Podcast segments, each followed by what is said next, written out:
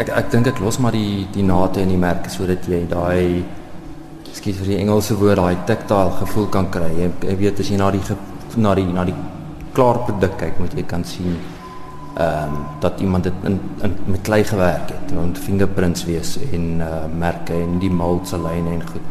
Dit dit dra net by tot die die tasbaarheid van die objek.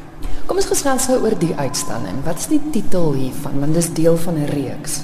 Ehm um, ja, dis deel van 'n reeks. Die titel is ehm um, Reminiscent Drive. Ek dink uh kyk ek is ek ek is nie 100% seker of dit so mooi pas nie, maar dit is vir my 'n mooi titel. Ek het toe ek met my vrou getroud is, toe is dit een van die CD's wat wat sy gehad het. Sy titel was Reminiscent Drive en ek het gedink Jesusie dit klink cool. Ek wil dit iewers gebruik eendag. so ek het nou 'n geleentheid gekry. Ja. Waaroor gaan die uitstalling? Want dat kom ons verduidelik gou vir die luisteraars.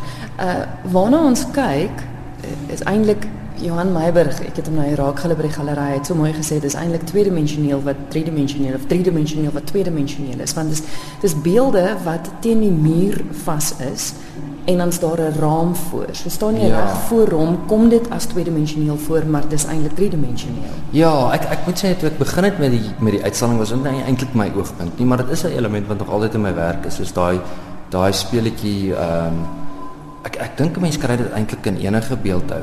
Dit is ehm um, ek het 'n rukkie terug na Egontania geluister wat wat oor sy werk gepraat het en hy het dit 'n double play genoem. Ek dink met beeldhou is daar die die image, die die beeld wat jy voorstel mm. en dan is daar die fisiese beeld en die twee is nie noodwendig hulle hulle deel nie dieselfde oppervlak nie kan ek sê. Ek meen as jy na 'n uh, geometriese beelde kyk, ek meen daai beeld is is skraal en baie dun, mm. maar die die die die beeld wat dit voorstel is wat groter. En as jy nou ou soos Maljol se werke kyk, dan is dit presies op dieselfde plek. So jy kry 'n baie konkrete gevoel. Ehm um, So ja, ek dink dit is nou maar net nog 'n manier om om met daai daai uh double play te te speel. Kom ons gesels gou oor die figure in die raam, want dis tradisionele bekende mense wat my laat dink aan ou fotos uit ja. uit uit die ou en man dan staan ander karaktertjies wat saam met hulle gebruik word.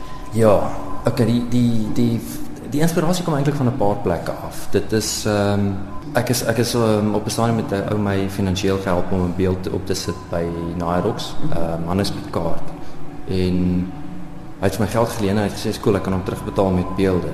So ek moet vir hom voortrekkers maak. Hy het gevra vir voortrekkers. En ek het gaan kyk na daai foto's van die voortrekkers wat mense is waar ek vandaan kom. En daai mense lyk nogals anders as ons. Hulle is eintlik amper soveel anders dat 'n mens nie kan relate nie. En tussen daai foto's is daar ook daai postmortem foto's wat hulle geneem het in daai tyd.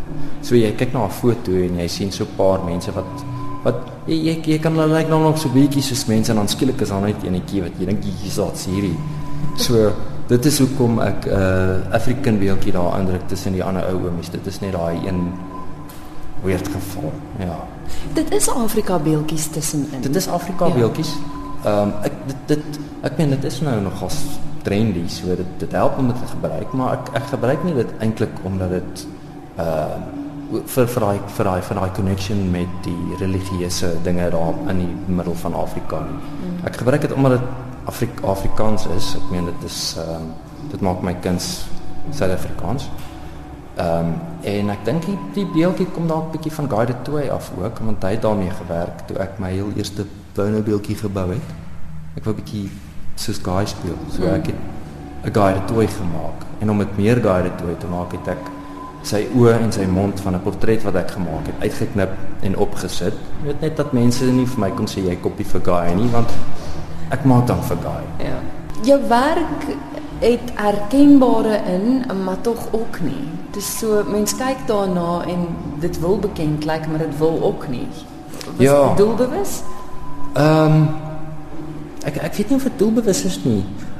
Ek het eh, met met met uh, Shanaz in 'n onderhoud het ek vir haar gesê ehm um, dat dit is verbasend dit is verbasend hoe ver jy daai daai distortions kan push en jy kan nog steeds die mens kry daarin. Ek bedoel jy kyk kan kyk na na Picasso se skilderye en dan met die proporsies probeer jy eintlik te kyk na 'n monster, maar jy sien 'n mooi meisie. Dis 'n dis 'n cute meisie wat daar sit op 'n stoel en ehm um, maar maar maar dit gesê aan die ander kant, kyk ek nou na hierdie voortrekker foto's en ek sukkel om daarmee te relate, te relate. Ek sukkel om 'n mens daar te sien. So dis dis maar daai daai daai ding waarmee ek speel. Ehm um, wat vir my mooi is van die van die distortions is en dis dis dis iets wat mense vir my mooi maak. Ek meen al mense is maar eintlik op een of ander manier 'n bietjie ehm um, ek moet 'n Afrikaanse woord vir distorted kry. Hulle is hulle is hulle is maar so 'n bietjie niemand is perfek nie. Ja.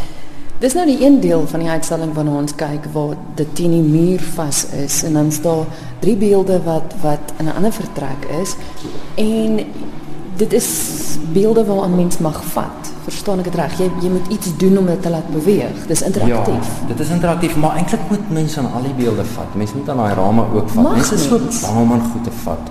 Mense moet net asseblief aan goed vat. Ja. Nee, maar ons word geleer dat Ja, dit is vreeslik man. Soveel mense het vir my gevra, mag hulle dit maar draai? Ek en ek Yes, ek het eintlik was ek 'n bietjie bekommerd. Ek het gedink hierdie goed gaan die hele aand draai en mense gaan kyk hoe vinnig hulle dit kan draai. En maar maar bitter min mense het die guts gehad om om dit te draai. Dit is dit is dit is deel van my van my van my ehm um, subject matter soos wat ons nou gepraat oor die oor die oor die die tasbaarheid van goed.